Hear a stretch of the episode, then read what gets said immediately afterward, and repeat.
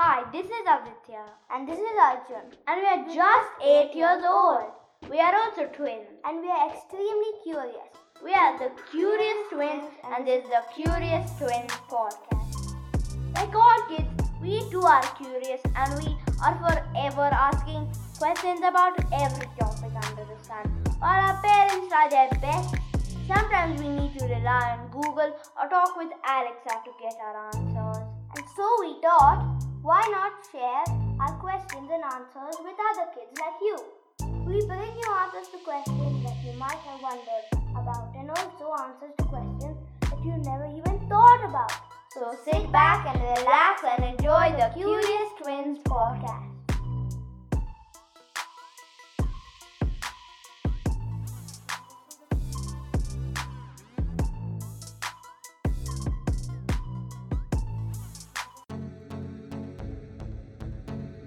We all love reading Harry Potter books and watching the movies.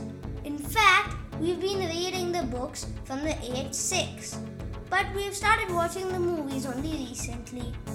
To be honest, we've only watched the first two of the movies. But we had so many questions about the movies and actors that we decided to share them with you as well. Arjun, which of the two movies did you like better? The Sorcerer's Stone or the Chamber of Secrets? I liked the first movie better and it introduced us to the exciting world of Hogwarts. It is so amazing to watch the movies after reading the books. It's great to see the movie and compare it with my imagination. Did you imagine the characters the way the actors played them? As you know, the actors who played the key parts were Daniel Radcliffe as Harry, Rupert Grint as Ron, Emma Watson as Hermione, and Tom Felton as Draco Malfoy. Yes, these actors were well chosen.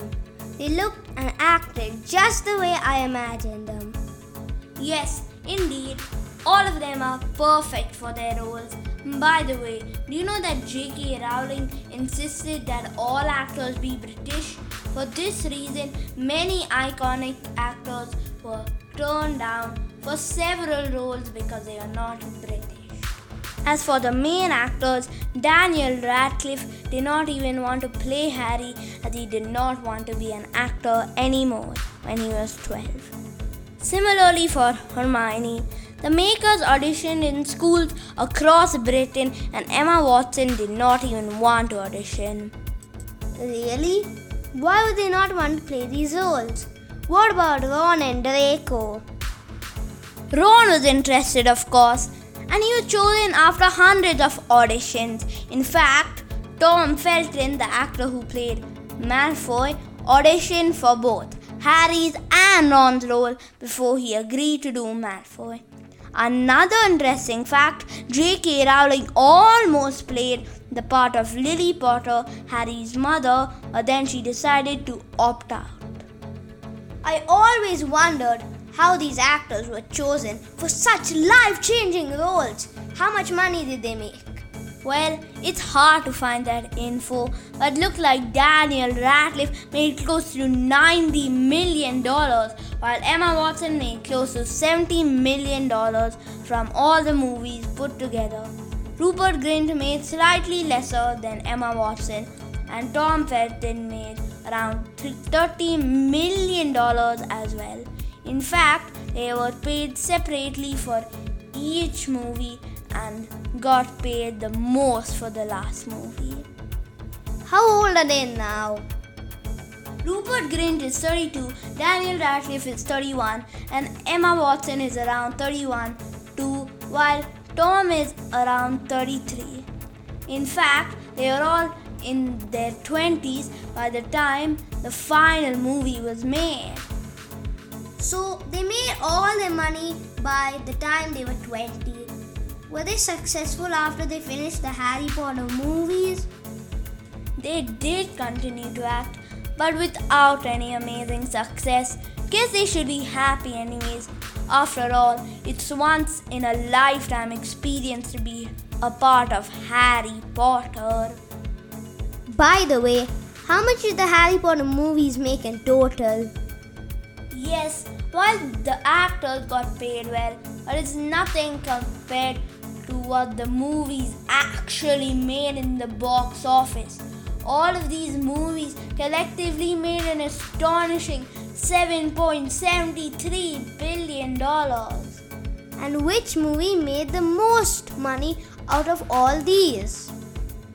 There were eight movies in all, made from 2001 to 2011. The most successful was the last one, Harry Potter and the Deathly Hallows Part 2, which made more than $1.3 billion. The Prisoner of Azkaban made the least, but still not too bad. Nice. What other interesting facts do you have? Do you know that the actor who played Moaning Myrtle was not a kid but an adult who was 36 years old? That's hilarious! And that the role of Voldemort was played by six actors during the course of the movie? Wow, no wonder I can't remember his face. And that Daniel Radcliffe went through 160 pairs of glasses while playing the character. I don't blame him. I once wore those glasses for a school act and they were very difficult to keep on. Right, and you would imagine that a lot of things are just special effects. But in fact, a lot of the things you see were real. More than 250 animals were brought on set. The biggest one being a hippo and the smallest one being a centipede. In the food in the dining hall was all real. Even real all the train to deliver the letters. Wow, interesting. By the way, which you like better, the books or the movies? No doubt the Harry Potter movies were awesome, but I still prefer the books. A lot of the details in the books never make it to the movies. In the book, we get to understand Harry better as we also get to read about his thoughts. Overall, the books are more satisfying. So when So when are we going to do an episode on the books? very soon. So there you have it. We come to an end of this episode. Please come back next week for the next episode of the Curious Kids Podcast.